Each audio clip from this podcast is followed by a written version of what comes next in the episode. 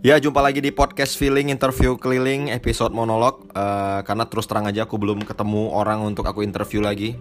Baik itu teman-teman ataupun untuk special interview Karena masih terkendala sama jadwal orang-orang yang ingin aku interview. Nah, uh, kalau minggu kemarin aku monolog soal Wizard, soal Benidola Dan hari ini aku bakal monolog soal sebuah series Netflix Yang aku tonton sampai habis Karena nggak banyak aku nonton series Netflix sampai habis Paling cuman ini nih, uh, The Last Sa jadi The Last Caesar tulisannya itu berbicara tentang kaisar terakhir di uh, kerajaan Rusia. Jadi kalau buat yang belum tahu Rusia itu dulu sebenarnya adalah kerajaan besar gitu loh. Sebelum diganti sama uh, golongan Bolshevik uh, menjadi sebuah negara komunis. Dulunya tuh kerajaan dan itu membahas raja terakhirnya dan kenapa kerajaannya bisa roboh? Keren banget tuh. Terus ada yang aku tonton sampai habis itu Space Force. Space Force itu tentang impian Amerika untuk mendirikan markas di bulan gitu. Itu juga bagus dan ada ada sedikit humor-humor tentang Donald Trump juga di situ. Jadi presidennya suka nge-tweet gitu lah. Lucu juga itu. Dan ini The Queen's Gambit The Queen's of Gambit ini uh, aku nonton dari hari Rabu minggu kemarin sampai hari Minggu tepatnya kemarin banget empat hari aku nonton satu atau dua episode per harinya cicil aja nyantai-nyantai aja aku review karena ternyata Queens of Gambit ini adalah series yang laris ya setelah Money Heist kemarin oke. Okay. Queens of Gambit rilisnya tuh 23 Oktober 2020 jadi sekitar sebulan yang lalu.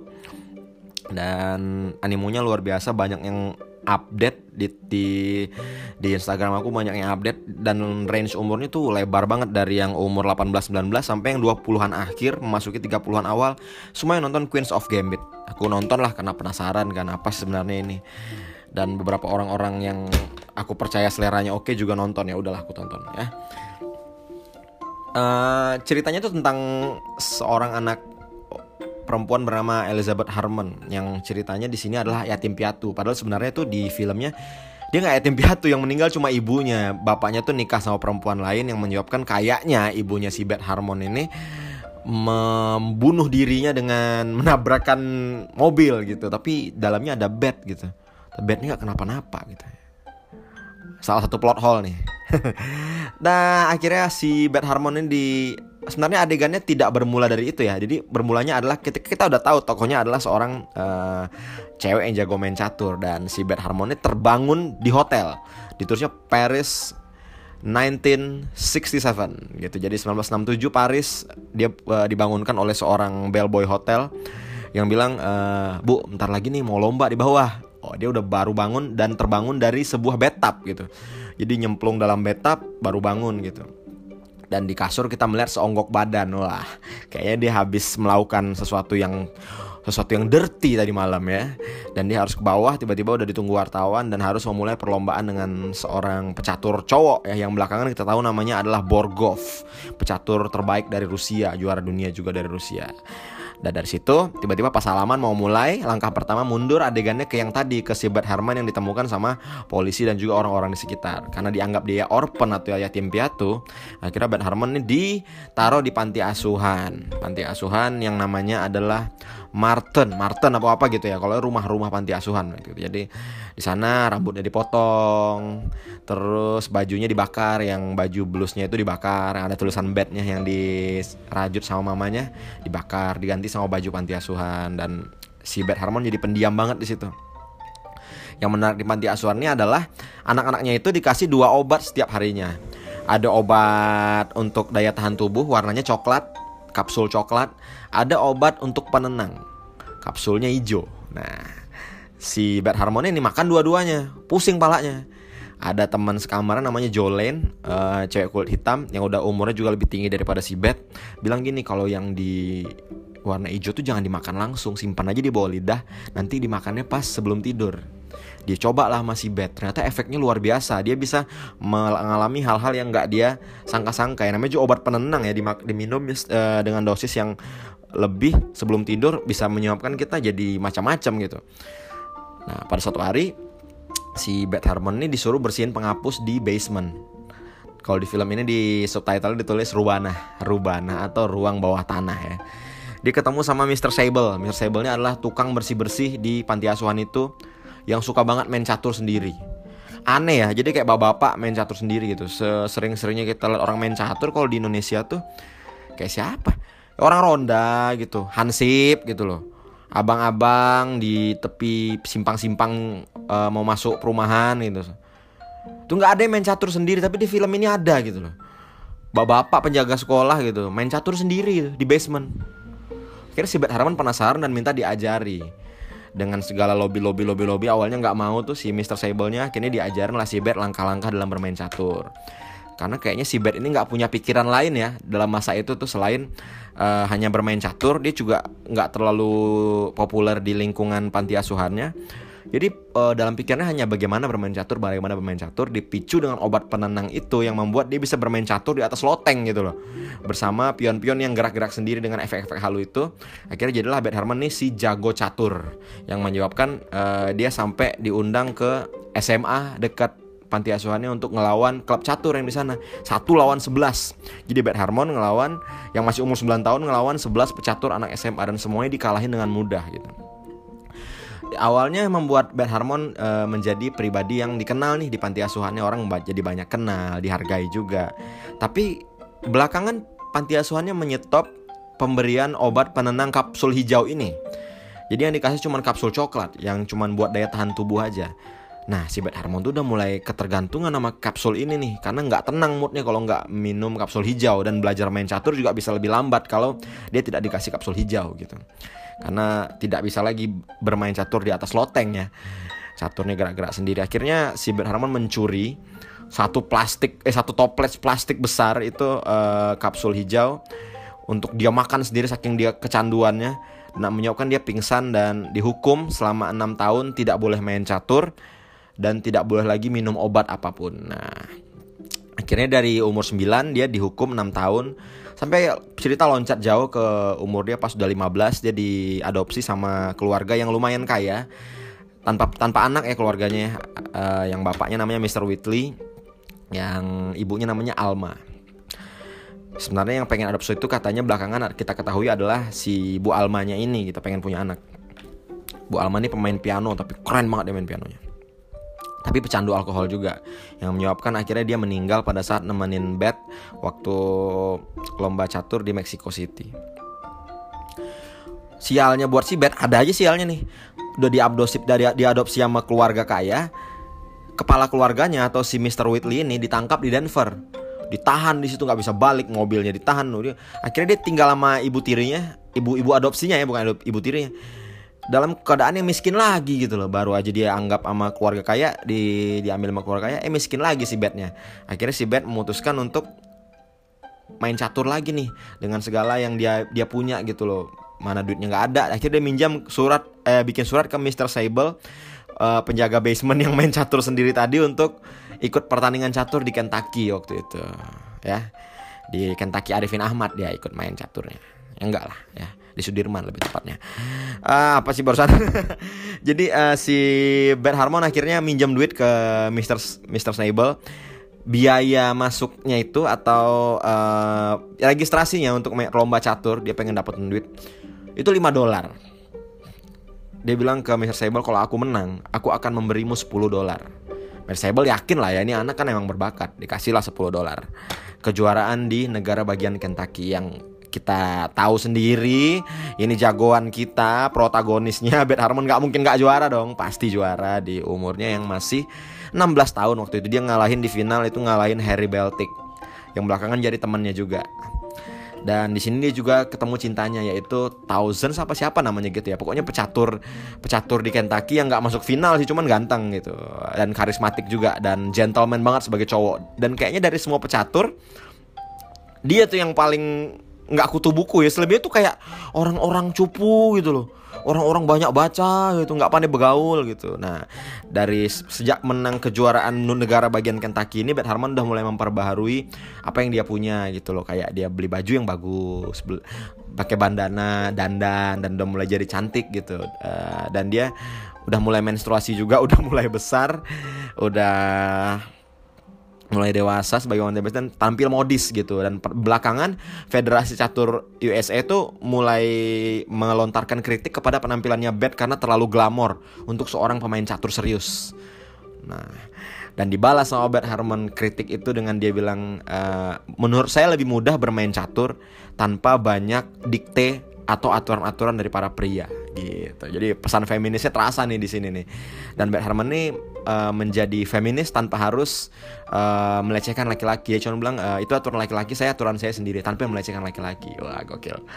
Uh, akhirnya si Bert Harmon pergi ke kejuaraan US Open uh, yaitu kejuaraan untuk Amerika Serikat secara keseluruhan jadi juara-juara negara bagian tuh ngumpul ngumpul ngumpul.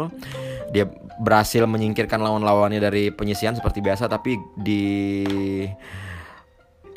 final dia ketemu seorang pecatur nyentrik. Jadi di di lomba-lomba itu di, di lomba itu kayaknya yang nyentrik cuma dua gitu si Beth Harmon karena dia cewek dan dia modis. Dan satu lagi si Benny Watts namanya. Benny Watts itu adalah pecatur pecatur yang sebenarnya umurnya kayaknya di atas Beth uh, beberapa tahun dan dia nyentrik banget dia bawa pisau komando dia bawa apa namanya uh, topi cowboy persis kayak Indiana Jones gitu. Jadi emang charming gitu lah ya tapi topi cowboy gitu dan American banget gitu. Benny Wars punya rekor imbang di penyisihan berapa kali. Si Beth Harmon menang terus tapi di final Benny ngalahin Beth yang membuat akhirnya skor keduanya sama dan mereka menjadi juara bersama atau co-champion. Jadi mereka juara berdua gitu. Jadi tidak ada juara satu, tidak ada juara dua. Si Benny meskipun mengalahkan Beth Harmon di final, tetap si Beth Harmon juga adalah juara karena dia dari awal tidak pernah terkalahkan gitu, undefeated gitu. Nah, lomba diteruskan ke Mexico City. Di situ Beth Harmon berangkat sama mamanya dan untuk melawan si Borgov ini ya dari awal menang menang menang menang menang sampai akhirnya si Beth mulai mengalami yang namanya uh, ketemu sama pecatur dari Rusia yang lain anak kecil aku lupa namanya tuh. Umur-umur 11 tahun. Dan Bet agak susah ngalahinnya. Pada akhirnya cat kalah juga pecatur itu si Bet dengan gampangnya bilang gini permainanmu bagus adek gitu kan. Nah, permainan bagus dik. Uh, ini ad kamu adalah lawan tersulit bagiku sejauh ini kata si anaknya. Kamu belum ketemu Borgov aja. Itu lebih sulit jauh lebih sulit.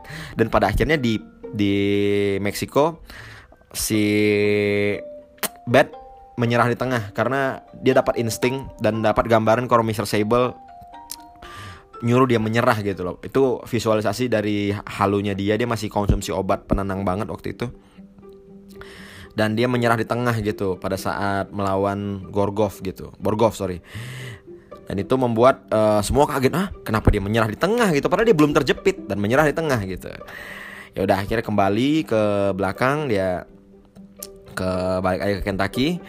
Dan kayaknya mamanya udah mulai mulai sakit dan meninggal di situ gitu. Mulai meninggal. Dan balik ke Kentucky ternyata dia ditunggu sama Harry Beltic lawannya dulu tuh yang uh, di kejuaraan negara bagian Kentucky yang kebetulan waktu itu uh, baru lulus sekolah kayaknya ingin maju ke universitas. Tapi nggak tapi mau tinggal di apartemen kata Beth ya udah tinggal di sini aja aku juga lagi sendirian nih. Eh, gokil. Tapi dasar Hari Beltik nih anak baik-baik disuruh cewek tinggal di rumah dia. Dia emang bener-bener tinggal aja tidak ngapa-ngapain gitu loh. Kalau kita disuruh nginap rumah cewek tinggal di sini aja bang ya udah. Nggak usah tinggal di sini nyantai dulu sejam aja kita udah udah ngapa-ngapain tuh.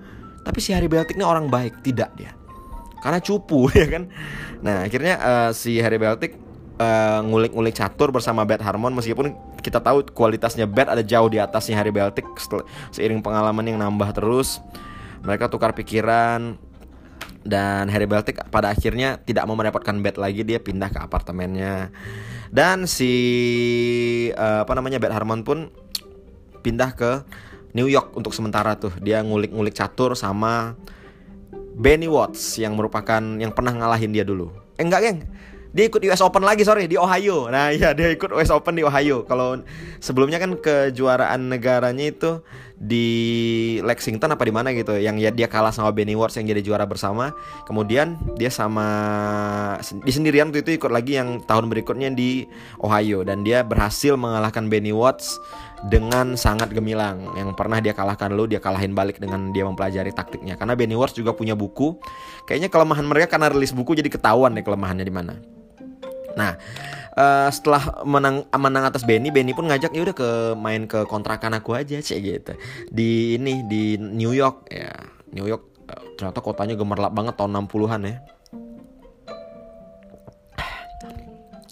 ternyata uh, si Beth Harmon diajak ke basement yaitu apartemennya si Benny Worth dan yang mana si Beth nyangkanya udah mewah ternyata apartemennya kumuh ya. Dan cuma ada satu kamar si Beth terpaksa tidur di kasur udara yang dipompa. Akhirnya di apanya di New York mereka ketemu sama teman-temannya si Benny nih. Nah di ketemu sama beberapa teman master master master catur bukan grandmaster ya kalau grandmaster tuh lebih tinggi lagi ini master. Jadi menengah gitu. Eh, ketemu juga sama cewek namanya Cleo. Cleo ini adalah model yang juga tinggal di Paris dan tinggal di New York juga yang belakangan akan menjadi seseorang yang penting di cerita ini. Akhirnya Beth dari New York berangkat ke Paris untuk mengikuti uh, Paris Open apa gitu ya kejuaraan namanya. Piala Wali Kota Paris deh kayaknya. Uh, seperti biasa kita tahu Bet menang dengan gemilang dan di final ketemu Borgov. Sebenarnya persiapannya udah matang, uh, jadi dia udah jarang megadang, tidak mabuk. Tapi di malam sebelum final si Cleo nelpon. Ah di Paris nggak bilang-bilang nih katanya. Kamu bisa kamu kira kamu aku nggak tahu apa kamu di Paris? Kata Bet, oh sorry Cleo aku nggak bisa ke bawah, ada bisa nemenin kamu minum karena besok aku final lawan Borgov gitu ya udah deh gitu-gitu. Kayak kayak kayak setengah-setengah ngambek merajuk gitu ya si Cleo ini karena si Beth nggak mau turun. Pada akhirnya si Beth turun juga gitu dan nyobain minuman namanya Gibson. Eh bukan Gibson apa namanya tuh? Pokoknya minuman khas Paris gitu lah minuman khas Prancis gitu seperti akar manis rasanya. Dan karena si Beth emang maniak sama alkohol alkoholik banget dia minum tuh beberapa gelas dan malam itu mereka hangover berdua dan terbangun uh, di pagi hari di mana si Beth kecemplung di dalam bak mandi, nggak pakai baju si Cleo-nya di atas kasur sendirian dan tidak ada laki-laki lain di situ, hanya mereka berdua. Tebakan aku di sana mereka melakukan sesuatu yang kotor berdua gitu loh. Jadi karena si Cleo udah sering sama laki-laki, Beth juga udah pernah sama Benny, mereka ingin melakukan sesuatu yang kayaknya girl thing berdua. Entah ngapain tuh cowok cewek berdua. Aku nggak tahu tuh yang kayak gitu aku tidak mengerti sih karena sebelumnya mereka berdua ngetos soal untuk cinta yang tidak terbalas. Wah, sama. Karena si Beth ngaku dia punya cinta sama si Towns dan juga si uh, Cleo juga bilang cowok-cowok ini brengsek semua. Mereka kayaknya punya kesamaan. Mereka kayaknya ngapa-ngapain deh gara-gara itu. Nah yang menyebabkan akhirnya si Beth kalah lagi selawan Borgov dan menyerah di tengah. Karena dia mabuk di sepanjang lomba catur itu dia minum minum itu terus minum air putih terus karena dia masih mabuk dan pusing. Sampai ke telinga Benny Watts dia bilang kamu mabuk ya tadi malamnya? Enggak kok aku sadar gini-gini cuman Beth udah terlanjur anjur pusing gitu terlanjur. Ya udah sampai di Kentucky dia mabok lagi udah. Dan yang paling adegan paling kerennya pada saat mabok adalah dia mabok pakai lagunya Shocking Blue yang judulnya Venus. Wah. I'm your Venus I'm your fire out desire. Wah gitu. She's got it. Nah itu keren banget tuh. Itu adegan terkeren di series ini ya. Itu di Uh, di episode 6 kalau nggak salah. Cari aja dia joget si Beth tuh cuman pakai tank top sama outer doang. Sama di, dia muter lagu Shocking Blue di di TV gitu. Memang band yang aku suka gitu, nggak sengaja dulu. Tahun 2011 kenal sama Bang Oza. Namanya Bang Oza tuh bapak-bapak ya orang hijrah rajin sholat tapi punya band elektronik namanya Left dan dia pernah cover Shocking Blue dengan hardcore tapi gitu tapi Shocking Shocking Blue kan banget semoga kalau Bang Oza dengar podcast ini kita bisa ketemu lagi Bang ya aku banyak belajar dari abang waktu itu Nah, uh, balik lagi ke Bad Harmon, Shocking Blue. Wah, itu kayaknya soundtrack film-film ini film ini tuh keren-keren banget. Beberapa kali ada lagu-lagu psikedelik-psikedeliknya 70s meskipun agak-agak Eh, nggak uh, match ya karena Shocking Blue sendiri tahun 70 lagunya nih ceritanya latarnya tahun 6768 tapi udah ada lagu Venus. Tapi oke okay lah siapa yang peduli orang juga nggak banyak tahu soal itu. Nah akhirnya uh, diselamatin sama si Jolene. Jolene ini kebetulan mau ngasih tahu kalau Mr. Sable yang ngajarin Beth catur itu udah meninggal dan ngajak si Beth ke pemakamannya. Dan mereka ngunjungin Matthew rumah yatim piatu mereka dan si dan ternyata si Bet ini belum bayar loh utang dia loh yang 10 dolar itu yang minjam duit pertama buat ikut kejuaraan yang pertama tadi ke Semester Sable. Orangnya udah meninggal. Mau bayar ke keluarganya, keluarganya nggak ada. Kalau kita kan enak ya misalnya ada orang meninggal gitu. Aku punya utang nih, aku bayar ke keluarganya aja. Nih utang saya sama almarhum. Oh ini nggak bisa karena si penjaga sekolah ini juga sebatang kara. Dan pas si Bet datang ke panti asuhannya semuanya udah berubah.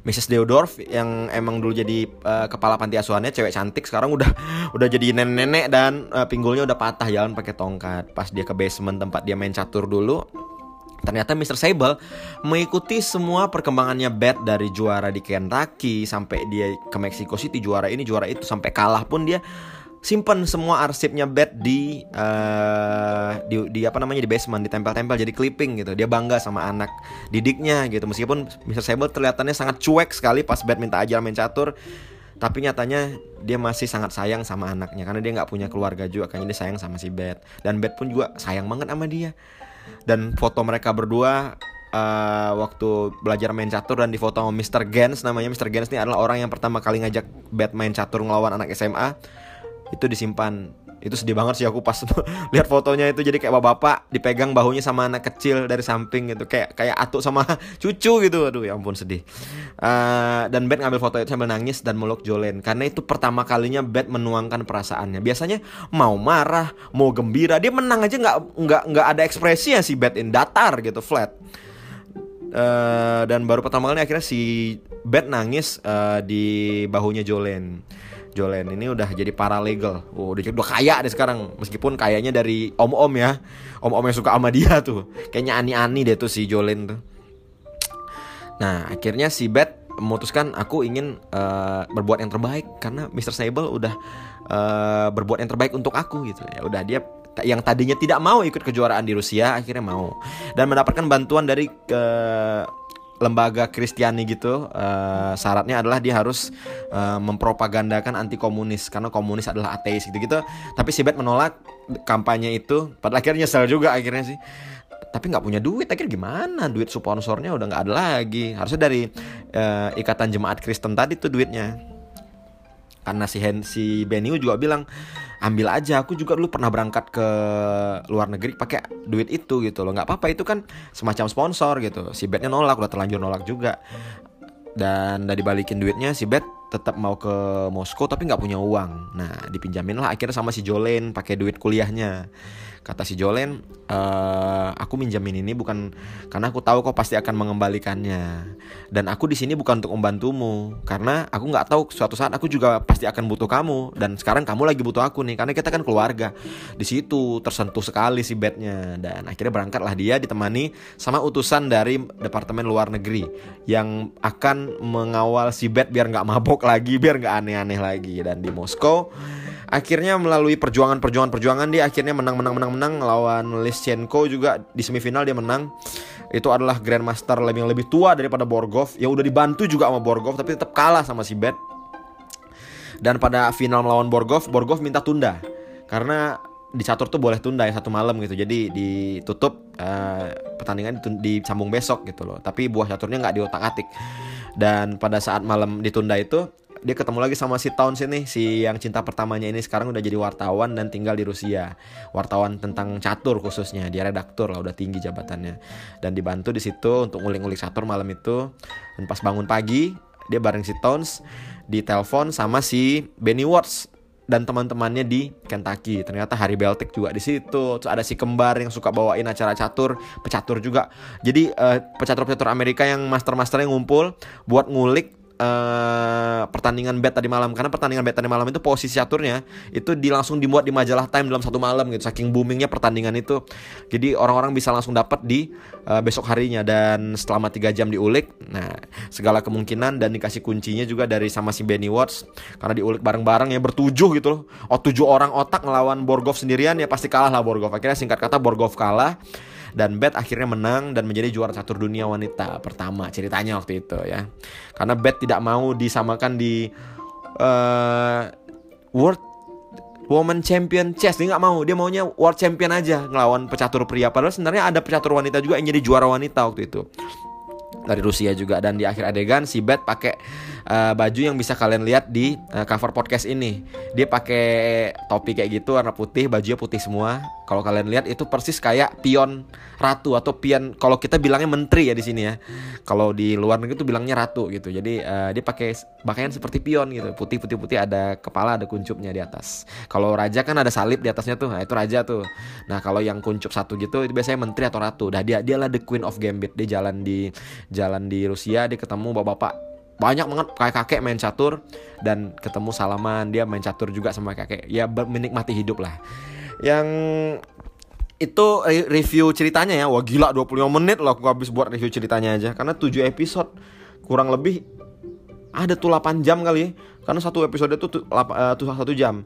Dan yang pengen aku review di sini adalah uh, sebenarnya kelihat kelihatan dari sutradaranya ini pengen ngepadetin adegan. Ada beberapa pertandingan yang di skip tiba-tiba tuh udah menang aja tuh. Kayak pas lawan Benny yang kedua tiba-tiba Benny-nya nyerah terus uh, malam kotor itu yang si Clio masih bed di skip tahu-tahu tiba-tiba bangunnya udah pagi udah di kamar mandi aja si bednya ya dan fakta menarik soal obat penenang ini sebenarnya ada pesan terselubung juga dari film ini bahwa obat penenang dan minuman keras tuh cuma bisa membunuh dan merusak kita. Ini yang paling aku suka dari film ini ada pesan positifnya ya. Di sela-sela uh, banyak hura-hura di dalamnya dan juga glamorusnya, glamoritas maksudnya glamorus lah ya judul lagu kilas glamorus. Uh, yang paling jadi highlight bagi aku tuh adalah uh, film ini punya pesan kalau drugs don't work dan di sebelum pertandingan lawan Borgov yang terakhir, yang ketiga, uh, si Beth Harmon ngebuang semua uh, pil hijau yang dia punya. Itu ekspresi kalau gue nggak akan ngedrugs lagi nih. Terakhir nih udah. Dan dia berhenti alkohol juga dan membuat akhirnya dia bisa menang lawan Borgov. Dua pertandingan dia kalah. Secara bisa dibilang agak-agak memalukan ya untuk sebuah negara sebesar USA gitu kalah atas rivalnya gitu uh, Uni Soviet pecaturnya menyerah di tengah gitu. Bukan dikalahin aja menyerah di tengah. Karena dia masih pakai drugs dan ketika dia udah nggak pakai drugs ternyata bisa menang. Karena si Borgovnya juga nggak pakai drugs gitu. Jadi kalau mau menang lawan orang yang kepalanya sehat kita kepala kita juga harus sehat. Nggak bisa kita dibawa pengaruh. Jadi buat teman-teman yang merasa kalau dengan drugs bisa lebih nggak lah. Menurut aku lebih bagus kepala orang sehat ketimbang kepala orang yang ngedrugs karena aku juga dari dulu tuh zaman-zaman mulai ngeband tuh ditawarin uh, ada yang nawarin drugs, ada yang minuman keras. Gini ki biar pede ki minum minuman gini ki gini gini. Aku coba manggung nggak pakai minuman keras nggak pakai apa ya pede-pede juga gitu loh. Malah kalau manggung nih zaman-zaman sport jantung lu lebih heboh aku daripada yang pakai drugs deh. Maksudnya aksi panggungnya mainnya sih biasa aja. Dan sekarang pun sampai di apa namanya? Di band aku yang sekarang di MJA kami juga aku sama Welly juga dan teman-teman yang pernah kerja sama sama kami nggak ada minuman keras nggak ada drugs ya kami tetap bisa manggung satu jam tanpa ada masalah gitu. Dan lancar-lancar aja Nah itu yang penting, paling penting drugs terbaik adalah vitamin gitu dan makanan yang bergizi udah itu aja. Di luar itu ada pesan-pesan feminis yang uh, ingin disampaikan secara soft dan baik sekali. Aku senang sekali ada pesan-pesan feminis yang disampaikan di The Queens of Gambit tanpa berniat memojokkan pria. Biasanya kalau pesan-pesan feminis itu biasanya ya itu sangat-sangat uh, lawan patriarki gitu-gitu kayak uh, pria itu uh, adalah dikesampingkan gitu di film ini kayaknya equalis equality ya yang ditekanin sama yang nulis jadi bagus gitu jadi kayak cewek bisa mendapatkan porsi yang cowok punya tapi dengan kapasitasnya main catur oke cewek bisa tapi ada beberapa pekerjaan yang emang hanya untuk pria. Begitu juga pria, ada beberapa pekerjaan yang hanya wanita yang bisa. Equality itu tidak harus sama dalam berbagai aspek, tapi keseimbangannya aja. Kalau pria bisa, Kenapa tidak? Tapi kalau wanita juga oke, okay, tidak ada salahnya, tidak ada dalih untuk menghalangi wanita untuk mengerjakan pekerjaan. Contohnya adalah chess player atau pemain catur yang dominasi pria banget ternyata cewek juga bisa. Karena tidak menyalahi kodrat juga kan. Sebatas tidak menyalahi kodrat kenapa tidak? Dan yang paling menarik adalah kalau kita perhatiin adalah Bad Harmony adalah pemain catur yang sempat dikritik sama federasi catur di USA karena gayanya yang terlalu glamor. Iya emang iya dia sangat fashionable gitu dan gaya hidupnya sangat rock and roll seperti rockstar tapi padahal dia cuma pemain catur gitu. Bukan cuman ya dia dia adalah pemain catur. Yang citranya adalah serius santai. Eh serius serius jenius gitu di sini dia rock and roll banget kayak rockstar abis menang mabok ngisep gitu loh. Dan hangover gitu loh. Sampai pada ada satu adegan dia abis dengar lagu Shocking Blue itu dia pakai makeup persis kayak vokalis Shocking Blue. Dan dia jalan ke turnamen untuk untuk jadi tamu atau apa gitu. Dan orang semua kaget lihat dia kenapa. Dari tadi perasaan dulu dia manis banget sekarang kok jadi serem gitu. Jadi kayak vokalis Shocking Blue gitu. Buat yang belum tahu Shocking Blue cari aja di YouTube Shocking Blue. Kalian pasti suka sama bandnya Cari aja judulnya Venus atau Venus. Nah, itu bagus tuh bukan bukan penis ya, Venus. Nah, cari itu. Dan itu anda adalah band bagus. dan akhirnya yang menyebabkan uh, ternyata apa pun profesi kita jangan terikat pada simbol gitu. Kalau misalnya populer opinion yang berkembang orang main catur itu adalah orang cupu dan kutu buku, Bad Harmon matahin itu. Dia adalah cewek cantik yang bisa dandan, tapi baca buku juga gitu. Benny Watts juga juara yang ngalahin Bad Harmon pertama kali dan pada akhirnya dikalahin juga sama Bad. Dia matahkan citra itu pada saat dia diwawancara oleh wartawan uh, dia bilang gini ke wartawan ke wartawannya citra pemain catur itu adalah orang-orang seperti ini nih seperti kutu buku seperti ini dan aku ingin mematahkan itu makanya dia pakai topi koboi pakai pisau komando jadi kalau kita adalah pekerja seni misalnya anak band kita nggak harus bertingkah anak band dan lagaan kita kayak rockstar mulu nggak juga kalau memang kita pengen dikenal dengan simbol yang lain juga boleh pelawak nggak harus ngelucu di setiap saat di tongkrongan menjadi badut dong kita bisa mengerem dan membatasi yang kita pengen. Jadi yang kita pengen aja, pelawak di panggung aja. Hari biasa mah kita manusia, kita bisa sedih, bisa marah, bisa duka, bisa diam gitu loh. Karena terikat pada simbol itu adalah sebuah neraka sih menurut aku ya. Karena ngelawak dong, ngelawak dong. Kan kok pelawak? Nggak juga. Kalau ada orang profesi ya tukang azan, masa dia azan di tongkrongan? Nongkrong sini azan lah, kan tukang azan lagi futsal azan dong di tempat futsal kan katanya tukang azan muazin itu ya jadi uh, banyak pesan positif yang bisa diangkat dari series ini ya udah itu aja udah kelamaan nih udah 31 menit padahal niatnya tadi cuma 20-an makasih